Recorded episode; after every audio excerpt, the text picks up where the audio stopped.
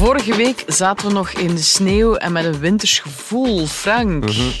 Hey Nathalie. De herfst is ondertussen terug. Hè. We hebben weer wat regen gehad. Het vriest niet meer. Hmm. Ja, ik weet het. Ja, het is, het is eh, weer. Hè. Meestal luisteren ze daarboven naar ons, maar soms, Nathalie, luisteren ze ook niet. Dat weer doet zijn eigen ding en jij mag het allemaal uitleggen. Ja, zo is dat.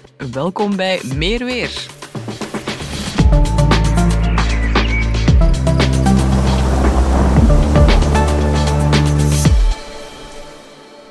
Dag Frank, het zullen dus geen sneeuwvlokjes meer zijn. Wat zie je dan wel door je raam?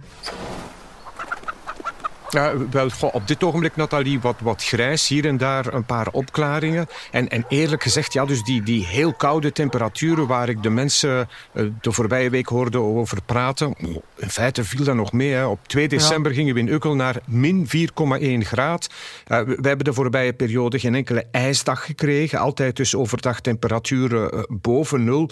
Dus het was een winterprikje, een beetje sneeuw, vooral dan in het westen van het land. Maar nu voltooid verleden tijd. Nu moeten we het dus hebben over de Atlantische depressies. Hè. Bijbehorende regenzones, die zijn weer op post. Minder koude oceaanlucht.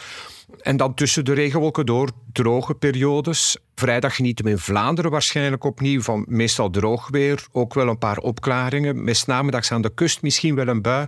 En eh, ja, dus die temperaturen, eh, bye-bye winter. Hè. Eh, we gaan vrijdag in Vlaanderen naar 9 tot 11 graden en Hoppa. geen nachtvorst. Nee, het En, is en in het weekend? gedaan. Wel, eh, het weekend een, een droge start, zaterdag. En dan weer zo'n fijne regenzone die van west naar oost voorbij slentert. Maar daarachter in de loop van de namiddag opnieuw wel wat opklaringen vanuit het westen. Maar zaterdag zijn we in de wind, Nathalie. Een strakke zuidwestenwind, rukwinden tot zo'n eh, 70 km per uur. En zondag begint dan droog met opklaringen, maar in de loop van de namiddag kunnen we alweer onze paraplu bovenhalen. En vooral, het is een erg zacht weekend. We gaan naar maxima van 11, misschien wel 12 graden. Dat is 4 à 5 graden boven het eh, gemiddelde voor half december. En blijven we dan komende week in de wind? Eh, dat heb jij gezegd, hè? Eh, eh, begin volgende week, Nathalie. eh, dus ja, nog meer van hetzelfde. Hè? Dus die stoet van buigen, regenwolken die voorbij trekt. En tussenin dan droge periodes. Hè? Dus soms een, een druppeltje zon en dan weer een straal regen. Windturbines die blijven goed doordraaien. En het kwik dat presteert boven zijn gemiddelde kunnen. Maximaal 10 graden en meer. Maar dan waarschijnlijk in het tweede deel van volgende week zou het opnieuw wat kouder en wat droger worden. Ja, een stoet van wolken, dat gebeurt er dus boven ons hoofd. Ehm, maar er spelen nog andere dingen. Hè. Frank, de klimaattop die zit erop. Veel conclusies en een daarvan is het idee om CO2 uit de lucht te plukken met machines om het klimaat te redden. Dat lijkt mij heel straf. Is dat mogelijk? Wat vind jij er allemaal van? Nathalie, eh, ik ben een positivo. Hè, dus ik, ik blijf wel geloven dat dat moet kunnen. Eh, Wetenschap en techniek, daarmee kunnen we klimaatproblemen oplossen. Ondertussen bestaan er al een heleboel manieren om CO2 uit de lucht te halen. Eh makkelijkst is om wat men zegt de puntbronnen aan te pakken. Dus als je ergens bij wijze van spreken een grote schouw ziet roken, aha, daar dan dus aan de bron meteen de CO2 eruit halen. Eh, veel industrieën die doen dat al volop. En eh, elektriciteitscentrales die werken op fossiele brandstof, die kunnen een deel van hun geproduceerde energie gebruiken om de CO2 af te vangen. En, en je kan zelfs gewoon de lucht filteren. Er zijn bijvoorbeeld grote installaties, eh, bijvoorbeeld in IJsland, die dat doen. Die zuigen de lucht aan, halen de CO2 eruit en probleem opgelost. Probleem echt opgelost dan? Want dat zijn van die gigantisch grote installaties. Ik bedoel, dat kan je toch niet overal klaar krijgen? Nee, nee, nee, nee. Er is één heel grote maar. Al die manieren om CO2 uit de lucht te halen, die hebben één groot nadeel. Ze vragen veel energie. Heel veel Mhm. energie. En hoe maken we die energie, Nathalie? Wel, dat gebeurt dus dikwijls met fossiele brandstof. En, dan is er bovendien nog eens het probleem dat de CO2 die je uit de lucht hebt gefilterd, die moet je ergens opslaan en goed opslaan, dat die niet terugkomt in de atmosfeer. En over het transport van die CO2 zullen we maar zwijgen. Dus nee, die, die carbon capture and storage, CCS, hè, zoals men zegt, dat is echt niet de manier om de klimaatproblemen op te lossen. Het is veel en veel eenvoudiger om zelf minder CO2 te produceren. Het is bovendien veel goedkoper. En zeker als je dan nog eens zelf actief meedoet om je koolstofvoetafdruk zo klein mogelijk te maken, dan zal je, Nathalie, heel veel geld besparen. En dat is altijd een goed idee voor iedereen, lijkt mij. Maar ja, natuurlijk. Allee, ik bedoel, ja, ik, ik heb ondertussen met mijn fiets al uh, meer dan 140.000 kilometer gedaan. Ik wow. heb veel, ja, ik heb veel geld in de pocket gestoken en tegelijkertijd ja, was dat goed voor moeder aarde. En het was ook goed voor, voor de gezondheid, denk ik dan. Hè. Ja, fantastisch. Bye. En dan Frank, waar in de wereld moet ik wel of niet zijn? Is het nog altijd zo aangenaam vertoeven in het zuiden van Spanje? Absoluut, ja. Dus het zuiden van Spanje, eh, kanten van Sevilla, Murcia, uh, vrij zonnig weer dikwijls met maxima 15, 20 graden. Begin volgende week gaan ze daar zelfs naar 20 tot 25 graden.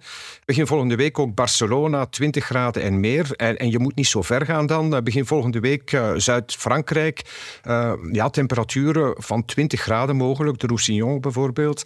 Canarische eilanden, zeker aan de zuidkant, 20 tot 25 graden. Veel zon tot en met woensdag. Rome en Athene bijvoorbeeld, dat zal iets minder. Enfin, dat is zo 10 tot 15 graden, meestal droog weer. Uh, misschien dat in Rome begin volgende week dat ze daar een 18 graden halen. En de Alpenlanden, hoe zit het daar? Wel, uh, in de Alpenlanden daar gaat de sneeuwgrens naar een 2000 meter. Want dus ja, de warme lucht die wint terrein.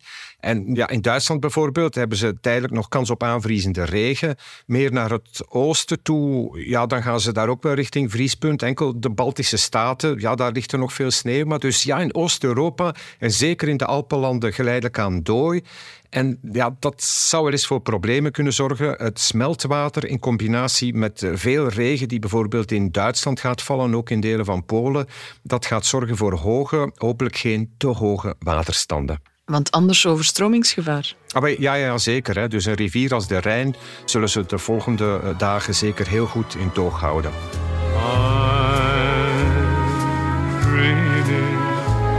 Of a white